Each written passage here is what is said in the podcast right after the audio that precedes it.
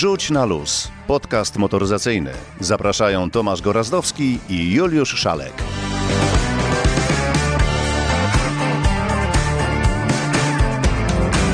Dzień dobry, dobry wieczór. W końcu nie wiadomo kiedy to pójdzie. To już 22 odcinek podcastu Wrzuć na luz. Dzisiaj odcinek eksperymentalny ponieważ kolega Juliusz wybrał się nieprzygotowany na swoje wakacje i nie wiadomo, czy się słyszymy. Słyszymy się, słyszymy. Ja nawet trzymam prawą rękę z telefonem uniesioną ku górze, żeby złapać lepszy zasięg. Takie poświęcenie. Możemy zdradzić to, że dojechałeś do Irlandii i myślę, że od tego możemy zacząć. Wakacyjny temat. Y, będziemy mieć również podsumowanie podróży naszych motocyklowych gamoni, którzy będą mówić o tym, jak motocyklem jeździ się po różnych krajach Europy. W związku z tym myślę, że to jest dobry moment, żeby od tego zacząć. Niekoniecznie od premiery samochodowej, niekoniecznie od czegoś innego, a właśnie od tego, jak kamperem, tym twoim wielkim zwierzem, jechało się przez Europę i dojechało do Irlandii. Coś nas tknęło i właśnie to w kamperowaniu jest niesamowite, że jak nas tknęło, tak zrobiliśmy. Kupiliśmy prom na, y, bilet na prom i wylądowaliśmy w Irlandii, e, na razie południowej, czyli Irlandii normalnej, ale kto wie, kto wie, może dojedziemy też do Irlandii północnej, bo wszystko na to mm, wskazuje. Tym dużym kamperem jeździ się tutaj no, e, hmm, ciekawie, interesująco, żeby podziwiać widoki, podziwiać naprawdę wspaniałe, wspaniałą przyrodę, to trzeba po prostu z takiej drogi zjechać. Więc mijanki czasami odbywają się, no tak, że trzeba się zatrzymać, jeśli jedzie na przykład z naprzeciwka inny kamper. Ale właśnie a propos innych kamperów, to tych kamperów nie ma tutaj za dużo, bo to są takie kluby, które zrzeszają e, Irlandczyków i oni sobie tu po Irlandii jeżdżą. A tak, żeby na dziko gdzieś nocować, to jest z tym niemały kłopot. Jak jest jakieś miejsce, jakiś parking, to na przykład jest informacja, że nie można tutaj kamperować, czyli nie można na przykład stanąć na noc. No tak, ale mamy na to sprawdzony sposób i zawsze jakieś miejsce postojowe, jakiś nieduży parking znajdzie się gdzie? Przy kościele i przy cmentarzu. Czasami oczywiście przy jakimś takim y, boisku sportowym, czy jakimś takim centrum rekreacyjnym w mieście i właśnie dzisiaj w takim miejscu stoimy, chociaż do wyboru mieliśmy parking przy kościele, i, a pogoda hmm, ostrzegano nas, że będzie padać, a tu piękne słońce już drugi dzień. No dobrze, a jak powiedz sama droga, jak się kamperem jedzie w tak y, długą podróż, jak przez Niemcy, jak kraje Beneluxu i tak dalej, i tak dalej? Po drodze oczywiście w zasadzie to jest y, no, taki dojazd. Zawsze mówię o tym, żeby zacząć kamperowanie i wakacje kamperem już w domu, więc w, w Niemczech też mieliśmy postój, ale tak, tylko w zasadzie, żeby przelecieć do Holandii, i Belgię przelecieliśmy, bo już się trochę spieszyliśmy na prom, więc y, nie było czasu jakoś eksplorować Belgii, a później do Bristolu który zwiedziliśmy, no i pognaliśmy prosto pod Liverpool, gdzie czekał na nas już kolejny prom. A to pięknie. W Liverpoolu powinniście się zatrzymać, posłuchać Beatlesów, wypić piwo, zjeść fish and chips i rzeczywiście można było jechać dalej. Tutaj znajdziecie tańszą rybę niż w Mielnie, koło brzegu albo Świnoujściu. Solidny kawał y, dorsza atlantyckiego, prawdziwego, niemrożonego, kosztuje, uwaga, 25 zł. I to nie jest y, mrożona ryba, tylko to jest ryba wyłowiona tutaj. Teraz odpocznijmy y, od irlandzkich przygód, ale widzisz, zostajemy w klimatach e, wakacyjnych, bo nasi motocyklowi gamonie, jak wiesz i o czym mówiliśmy niedawno wrócili z podróży i tym razem skupili się na kulturze jazdy motocyklistów i innych użytkowników drogi y, w starciu właśnie y, z motocyklistami. Jak zwykle w kwestiach kultury y, auto-moto nie wypadamy, jak się okazuje, w tym porównaniu najlepiej, ale zresztą oddajmy im głos. Lewa w górę o motocyklach, nie tylko dla motocyklistów. Ostatnio zrobiliśmy taki dość y, duży przejazd przez kilka krajów Europy i zaskakujące jest to, jak różne podejście jest y, w różnych krajach do y, motocykli i ich tak naprawdę miejsca na drodze. W Polsce jest to bardzo różnie postrzegane i jeździmy Wiele osób ma różne zdanie na temat, jakie przepisy obowiązują i co motocykle mogą robić i czego nie mogą robić. E, oczywiście w Polsce można e, jechać między e, że tak powiem, pasami, bo jest to traktowane jako Albo wyprzedzać, tak. samo, wyprzedzać prawym pasem na autostradzie. Tak, To, to jest też zagadnienie z, z, z dziedziny przepisów ruchu drogowego, które jest bardzo specyficzne w naszym kraju.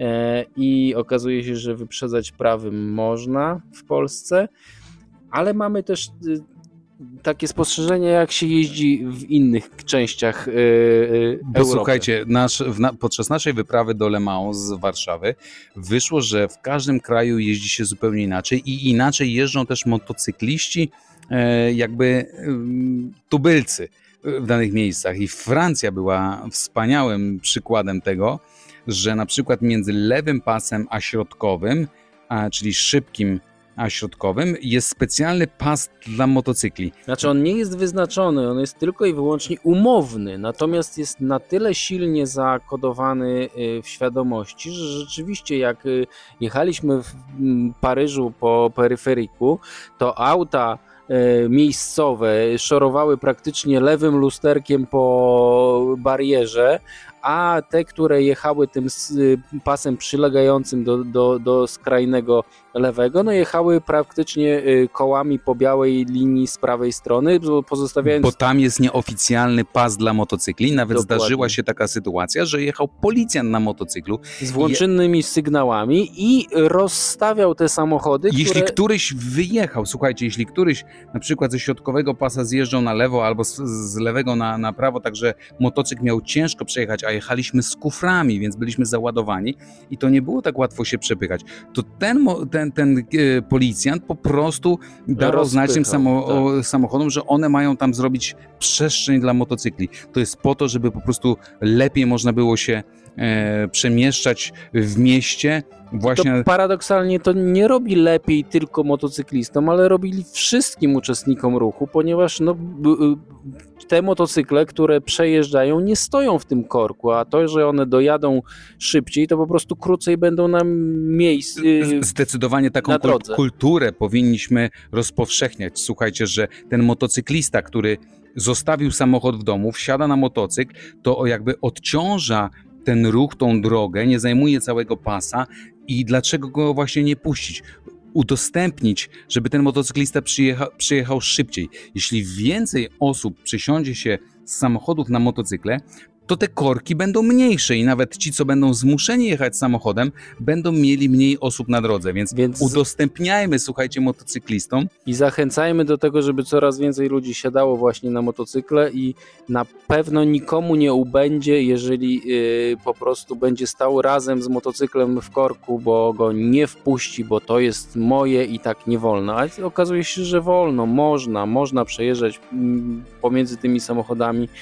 E, mieliśmy kiedyś nawet taką e, dyskusję z policją, no i jak najbardziej jest to rozpatrywane albo omijanie, jeżeli pojazdy stoją, albo wyprzedzanie, kiedy pojazdy są w ruchu, a nie ma czegoś takiego jak jazda pomiędzy pasami, bo to nie, nie jest jazda, tylko jest element wyprzedzania. Fajnie było to widać, jak inaczej kierowcy zachowują się w Niemczech, gdzie tak naprawdę jest pewna tolerancja, ale oczywiście większy ordnung, i trzeba jednak e, zachowywać się dużo jakby spokojniej i zwracać na to uwagę, ale też jest chyba jednak bym tak powiedział większa kultura dla jakby dawania pierwszeństwa motocyklistom niż w Polsce. To, to pierwszeństwo to może takie na wyrost trochę, bo to od razu jak mówią, jakie pierwszeństwo? Nie, nie, nie mają żadnego pierwszeństwa, są takimi samymi użytkownikami drogi. Oczywiście, że tak, jesteśmy takimi samymi użytkownikami, ale mówię, rozładowujmy te korki.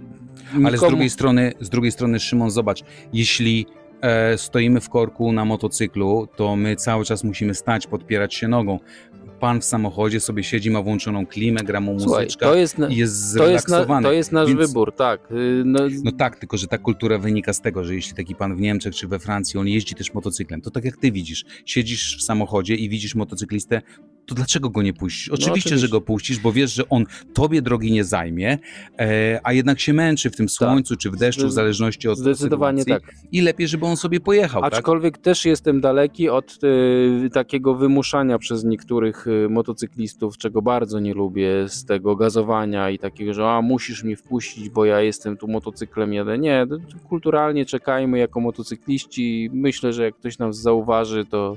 Bierzmy uwagę z Francuzów, którzy na naprawdę mają wielką kulturę i też doświadczenie. Posłuchajcie, korki takie jak potrafiły być kiedyś w Paryżu, to, to jest tak, że wracałeś, nie wiem, z pracy do domu 5 godzin, 6 godzin, nie tak jak u nas, że półtorej godziny jak człowiek wraca, to to już jest wielki korek. Tam można było nie dojechać nawet na kolację, albo nawet na śniadanie następnego dnia, więc oni się nauczyli tego i doceniają to, że motocyklem, skuterem jeździ się szybciej i myślę, że z tego powinniśmy czerpać przykład. Dokładnie tak. Oni sobie pojechali, wrócili, pewnie jeszcze do tej podróży motocyklowej będziemy wracać, bo sezon ciągle przed nami. A czy ty masz nam coś jeszcze ciekawego, coś ci przyszło do głowy? Oczywiście, że ja mam wiele ciekawych tematów, bo na przykład z bardzo przyziemnych tematów, yy, czasami mówimy o modelach, których już nie będzie, a otóż Skoda Scala i Skoda Kamik będą miały facelifting, czyli te samochody nadal będą produkowane. Fani małych samochodów y, czeskich będą mogli być zadowoleni. I jeden mam temat bardzo istotny, który mnie tutaj już dotknął, a w Polsce będzie mnie dotykać i was wszystkich, y, ciebie Tomku również. Chodzi o naklejki zielone i tak naprawdę wyciąganie pieniędzy od kierowców za to, że wjeżdżają do centrum miasta, bo umówmy się, że to tak naprawdę z ekologią nie ma nic wspólnego. Jedynie samochody elektryczne są z tej opłaty y, zwolnione, więc tutaj jest to nagminne, a w Polsce no wreszcie ministerstwo wzięło się za te naklejki, bo wiadomo, że z tym było sporo przebojów. Każdy tak naprawdę samorząd mógł decydować sobie samemu, jak ta naklejka miałaby obowiązywać i kogo miałaby tak naprawdę obowiązywać, więc ma być to ujednolicone, ale szczegółów jeszcze nie ma, a szczegóły muszą być y, dość szybko poznane, no bo przecież już w przyszłym roku te strefy mają się pojawiać. Jedno nie wynika z drugiego, logiki trudno czasami w y, decyzjach y, polskich decydentów, szczególnie na polu motoryzacyjnym, trudno się doszukać, no ale zobaczymy. Poczekamy, zobaczymy. Rozumiem, że nie jedziesz w tej chwili Nissanem. I bardzo dobrze, odpowiadam za ciebie, że nie jedziesz Nissanem, bo gdybyś jechał Nissanem, to musiałbyś się poważnie zastanowić. Otóż, nie wiem czy o tym wiesz, ale Nissan... Wiesz ile tu Nissanów? Wiesz ile tu Nissanów jeździ? No więc y, będą musieli popatrzeć co i jak, y, numer WIN, data produkcji, model i tak dalej, ponieważ Nissan wzywa do siebie na akcję serwisową. Gorąco zaprasza samochody amerykańskie, produkowane na rynek amerykański, japoński i europejski. W sumie milion 380 tysięcy samochodów przyjedzie do warsztatów autoryzowanych, żeby naprawić to, co się zepsuło. A co się zepsuło? No, rzecz y, może szwankować dość nieprzyjemna, ponieważ te y, Nissany potrafią same z siebie przyspieszyć. No i to nie jest fajne, kiedy jedziesz. No, raz dobrze, raz niekoniecznie, bo jeżeli chcesz hamować, a samochód przyspiesza, to może być y, nieciekawe. W Polsce najwięcej samochodów, które mogą być dotknięte taką wadą, to są Leafy. Lify. No trochę lifów, lifów w Polsce jeździ, w związku z tym jak ktoś ma lifa i nas słucha, no to niech grzebnie tu i tam i dowie się, co z tym lifem trzeba ewentualnie zrobić. No właśnie, nie ma takich problemów i to od razu przechodzę szybko do kolejnego tematu, bo zanim ty coś powiesz, to oddajmy głos Antkowi Grudnickiemu. To jest temat właśnie dla tych, którym motoryzacja jest bliska. Bliska sercu, bo Antoni opowie dzisiaj o takim pewnym modelu pewnego włoskiego samochodu, który nazywa się Maserati. To się naprawdę wydarzyło w świecie motoryzacji. Czy to się naprawdę wydarzyło w świecie moto? Na to wygląda. Dziś historia nie taka od deski do deski, z datami, nazwiskami, z jakąś puentą, yy, chociaż nie, puenta będzie. I nie wiem, czy będzie specjalnie budująca, bo chciałbym, żebyście po wysłuchaniu chwilę pomyśleli. Takie zadanie domowe. Ale najpierw posłuchajcie tego.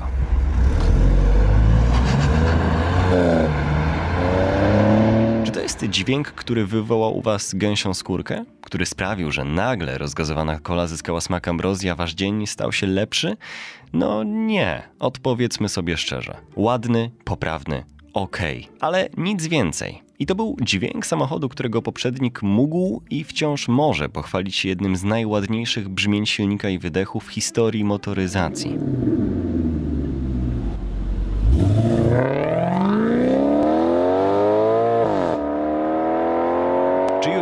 Wiecie o czym mowa? No pewnie, Maserati Gran Turismo. Auto produkowane przez 13 lat, podczas których przeszło jeden, tylko jeden facelifting, bo więcej po prostu nie potrzebowało. I tak, z jednej strony trochę przestarzałe, z beznadziejnym systemem inforozrywki i niekoniecznie najlepszymi rozwiązaniami technologicznymi, ale tu nie o technologię chodzi, ale o technikę. To jest clue, za którym klienci gonili za tym samochodem. 4,2 litra, V8, silnik wyciągnięty z Ferrari 599 GTB, ale dostosowany przez Maserati z ich autorskim układem wydechowym.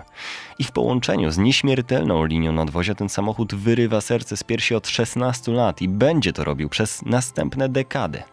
A mówię o tym wszystkim dlatego, że kilka tygodni temu swoją premierę miała nowa odsłona Gran Turismo, której dźwięk usłyszeliście przed I ona technologicznie jest już w XXI wieku, ale żebyście mnie dobrze zrozumieli, technicznie też. Auto otrzymało 3-litrowy silnik V6, podobno genialny, z technologią rodem z Formuły 1 z podwójnymi komorami spalania. Dzięki temu w codziennym, lekkim użytkowaniu auto jest niebywale ekonomiczne. Szkoda, że to musi być argument, a w przypadku szaleństw, okej, okay, szaleje. Tylko czy super samochody kupujemy po to, by przejmować się normami spalania? Po to, żeby były ekonomiczne i brzmiały na wolnych obrotach jak trzycylindrowy pierdzik? Kupujemy je po to, żeby coś zamanifestować, pokazać, że ta codzienna masowa motoryzacja jest nudna, ale zdarzają się wisienki, na widok których ślina cieknie aż do sąsiada pod trójką. A nie, ewentualnie do naszego portiera. Właśnie w tym sęk. Pod pozorem rozwoju i zmiany czasów dajemy sobie wmówić, że ta dzika, pierwotna przyjemność jest już passé. I w tej sytuacji przypomina mi się zdanie, które kiedyś wypowiedział Marcin Prokop, notabene wielki fan i znawca motoryzacji. Powiedział, że nowe samochody i ich automatyczne skrzynie biegów w żadnym stopniu nie nadążają za jego mózgiem, mimo że powinny. Od kilku lat świadomie wybiera auta, gdzie zmiana przełożenia starcza na wypicie solidnego łyka kawy, nie oczekując, że auto pomyśli za niego. Po prostu z nim współpracuje, jak z maszyną. I wracając do meritum, nowe Gran Turismo budzi emocje. Jest piękne, pięknie narysowane, dobrze wykończone, ale odbiera kierowcy ten pierwiastek pokazania światu środkowego palca. I zastanawiam się, bo półka cenowa jest podobna. Czy w tej sytuacji należy wybrać piękną Włoszkę, czy może jednak solidną Niemkę w postaci Porsche 911? Bo ono jeszcze nic kierowcy nie próbuje odebrać.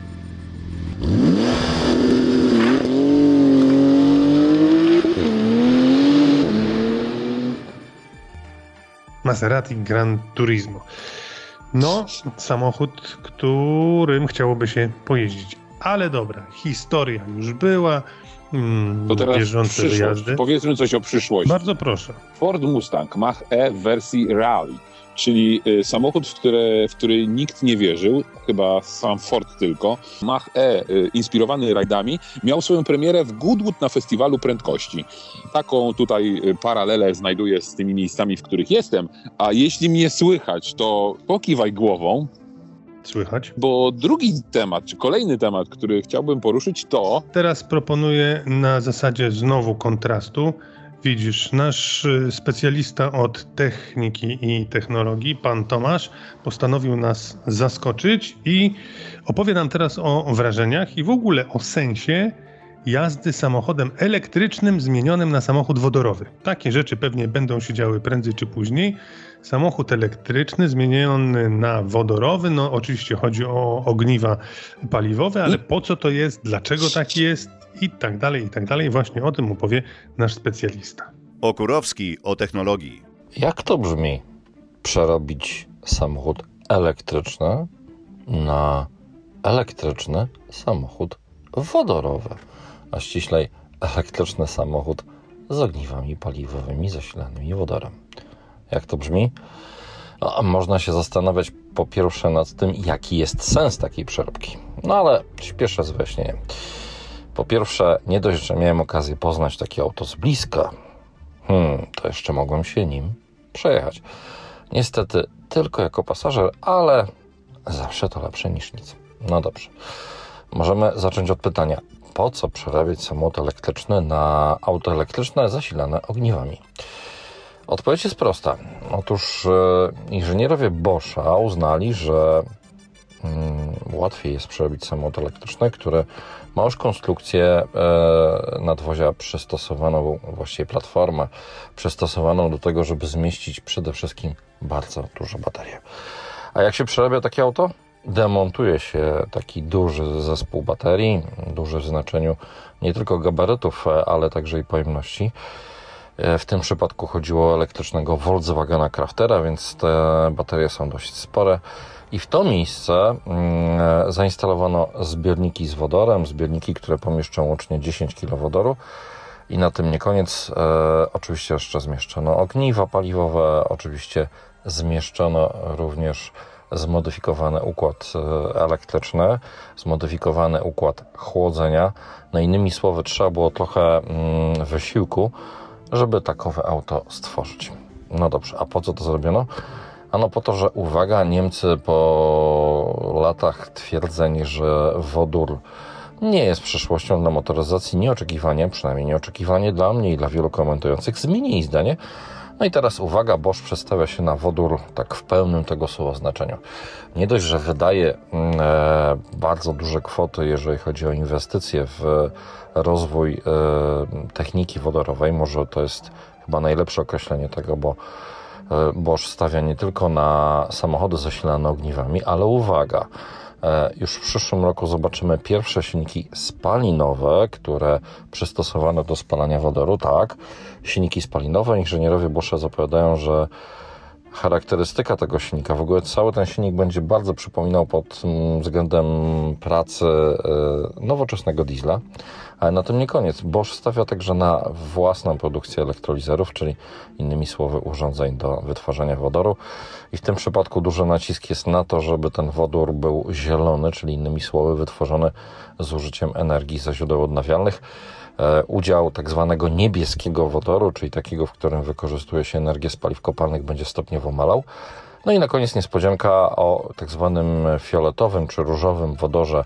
W przypadku Boscha nie ma mowy, a to jest mm, z kolei e, wodór, który jest produkowany z użyciem energii pochodzącej z elektrowni atomowych, a takich właściwie w Niemczech za chwilę już nie będzie, bo Niemcy praktycznie e, bardzo, ale to bardzo konsekwentnie pod naciskiem m.in. zielonych rezygnują z atomu i odchodzą na dobre. No dobrze, to tyle jeżeli chodzi o wodór, a teraz pytanie, jak się tym jeździ? No i teraz, e, hmm, może to zabrzmi tak dość banalnie, ale stwierdzę, że jazda e, samochodem elektrycznym z ogniwami paliwowymi właściwie nieznacznie różni się, albo właściwie niemal niczym nie różni się od jazdy takim typowym samochodem elektrycznym. Dlaczego? Ano dlatego, że po pierwsze ten dostawczak jest bardzo, ale to bardzo żwawy. E, powtórę, bardzo ciekawie rozwiązano kwestię zasilania, dlatego że E, do niewielkich prędkości typu 20 km na godzinę, czyli takie pełzanie na przykład w mieście w korku. Auto porusza się wyłącznie na napędzie elektrycznym, innymi słowy korzysta z energii zgromadzonej w akumulatorze. I tutaj jeszcze bardzo jedna istotna rzecz, a mianowicie taka, że tenże akumulator powinien wystarczyć na takie 20 km takiego powolnego e, człapania, tak bym to określił. No dobrze, a co się dzieje, kiedy te 20 km na godzinę przekroczymy? No, wtedy już do gry wchodzą ogniwa paliwowe. No i tutaj niespodzianka. Po pierwsze, samochód jest równie żwawy, co w przypadku jazdy w trybie elektrycznym. To jest pierwsza rzecz. A po drugie, jest to ciekawa różnica względem auta elektrycznego, dlatego że te 10 kg wodoru, uwaga, wystarczy na przejechanie prawie 540 km. Dla porównania zwykły elektryczny crafter może przejechać około stówki. Także różnica bardzo duża. Na tym nie koniec. To auto zasilane ogniwami paliwowymi jedzie także szybciej. Inżynierowie zapewniają, że różnica to jest około 20-25 km na godzinę. Nie odpowiedziano mi na pytanie, jak rozwiązano kwestię zabezpieczenia e, przed pożarem, bo nie jest tajemnicą, że e, wożenie wodoru ze sobą i e, połączenie tego z ogniem, no to jest akurat najgorsza wiadomość, jaka może być. Plus do tego jeszcze oczywiście baterie, które jeżeli już zaczną się palić, to są bardzo trudne do ugaszenia. Na to pytanie jeszcze odpowiedzi nie mam. E, tak samo jak nie mam jeszcze odpowiedzi na pytania dotyczące tego, jak układ z ogniwami paliwowymi zachowuje się w takich bardzo ekstremalnych upałach, jakich mieliśmy ostatnio okazję doświadczyć także w Polsce.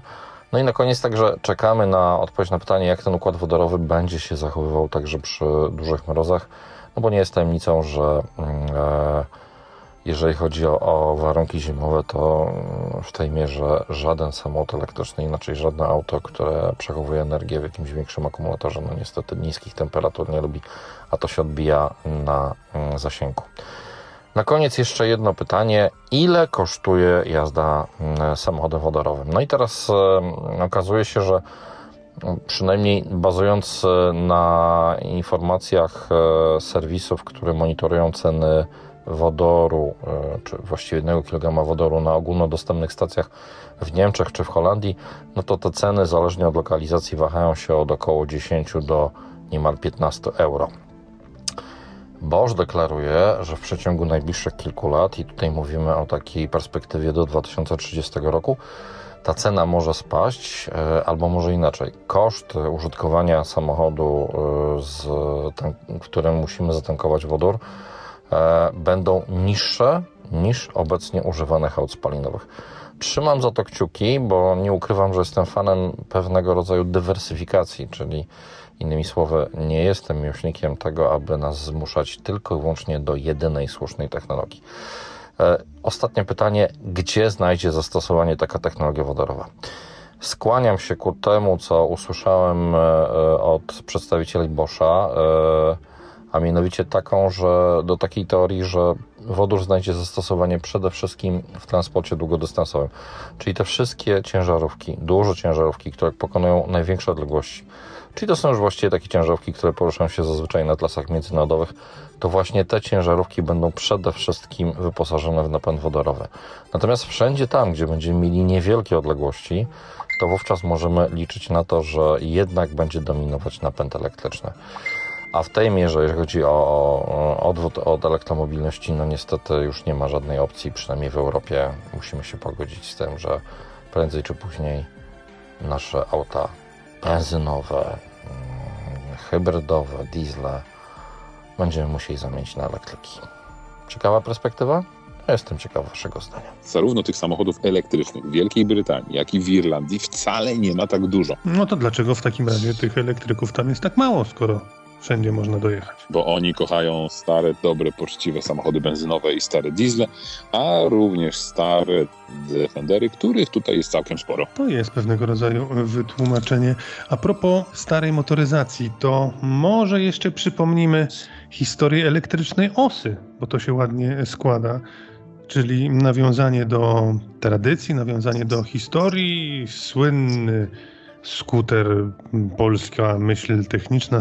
No to bym, to, to, tu bym był ostrożny. Skop... No właśnie. Skopiowana, Skop... zerżnięte wszystko tam było. Tak, ale to nie jest tylko kwestia projektu, ale także trzech egzemplarzy przedprodukcyjnych, które już są, które są, jeżdżą i jednym takim skuterem miałem okazję przejechać się, a później porozmawiać z jego twórcą. Nazywam się Piotr Krzyczkowski. Jeśli dobrze kojarzę, to elektryczne skutery na rynku ma tylko Vespa, a tu nagle, jak Filip z Konopi, wyskakujecie wy z czymś, co bardzo przypomina elektryczną osę. Co to jest i kiedy będzie można taki skuter kupić? Tak, zgadza się. Wyskakujemy z elektryczną, z elektrycznym skuterem, który właśnie jest restomodem na bazie osy, jak najbardziej. E, uważamy, że e, moda przemija, a design, dobry styl pozostaje. Tak więc tutaj dla nas inspiracją była właśnie osa, to prawda. E, I kiedy będzie można to skupić, tak naprawdę już teraz składamy zamówienia i w przyszłym sezonie chcielibyśmy dostarczać pierwsze sztuki do klientów. Technicznie to jest skuter elektryczny, dwie pojemności baterii, dwie moce silnika. Powiedz coś o tym. E, tak jak powiedziałeś, dwa, dwie pojemności baterii, ale na ten moment mówimy o jednej mocy silnika, ponieważ ma to być motorowe, dostępne dla jak najszerszego grona użytkowników, a 6 kW to będzie bardziej taka wariacja i popis możliwości, a nie wersja produkcyjna.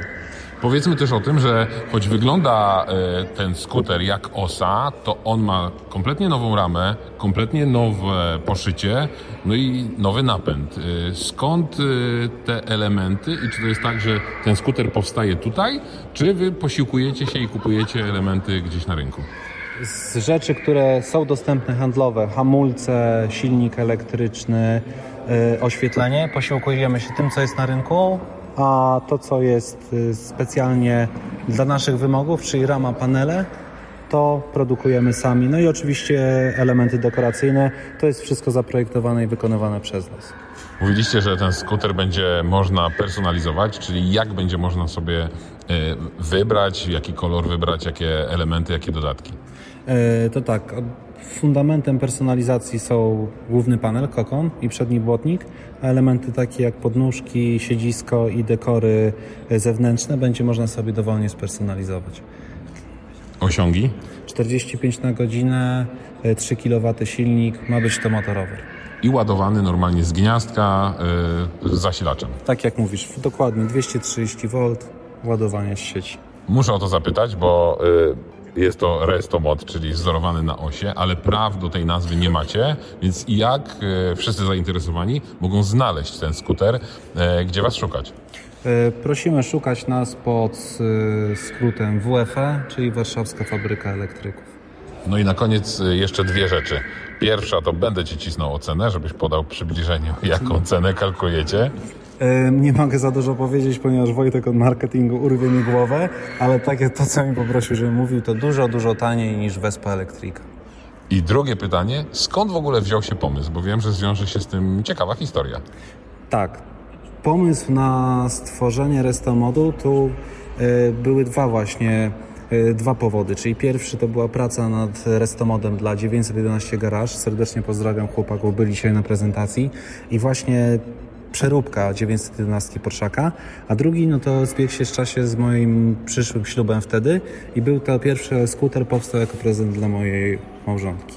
I to, jakie było zainteresowanie, przełożyło się na to, gdzie dzisiaj jesteśmy, czyli pokazujemy już takie dopracowane sztuki kolejne. Pochwaliłeś się też, że jest zainteresowanie niekoniecznie z Polski, tylko cały świat wali drzwiami i oknami, żeby taki skuter elektryczny kupić. faktyczna chęć zakupu, a mówienie wow, jakie super, to jest co innego, ale to, jakie portale o, publikujące nowości ze świata elektromobilności same robiły o tym artykuły bez płacenia za nie, no to to nam pokazało, że wow, okej. Okay. I, I też mamy nie mów, wolimy mówić o tym, co się dzieje, czyli pokazaliśmy, dowieźliśmy trzy teraz prototypy, kolejne trzy się budują, bo, bo jest na to pierwsze są zamówienia dla firm, które chcą takie środki transportu do promocji, jako swoje reklamówki, ale mamy zamówienie z zagranicy od fajnego człowieka, który chciałby po prostu to wypromować u siebie. Na ten moment to jest...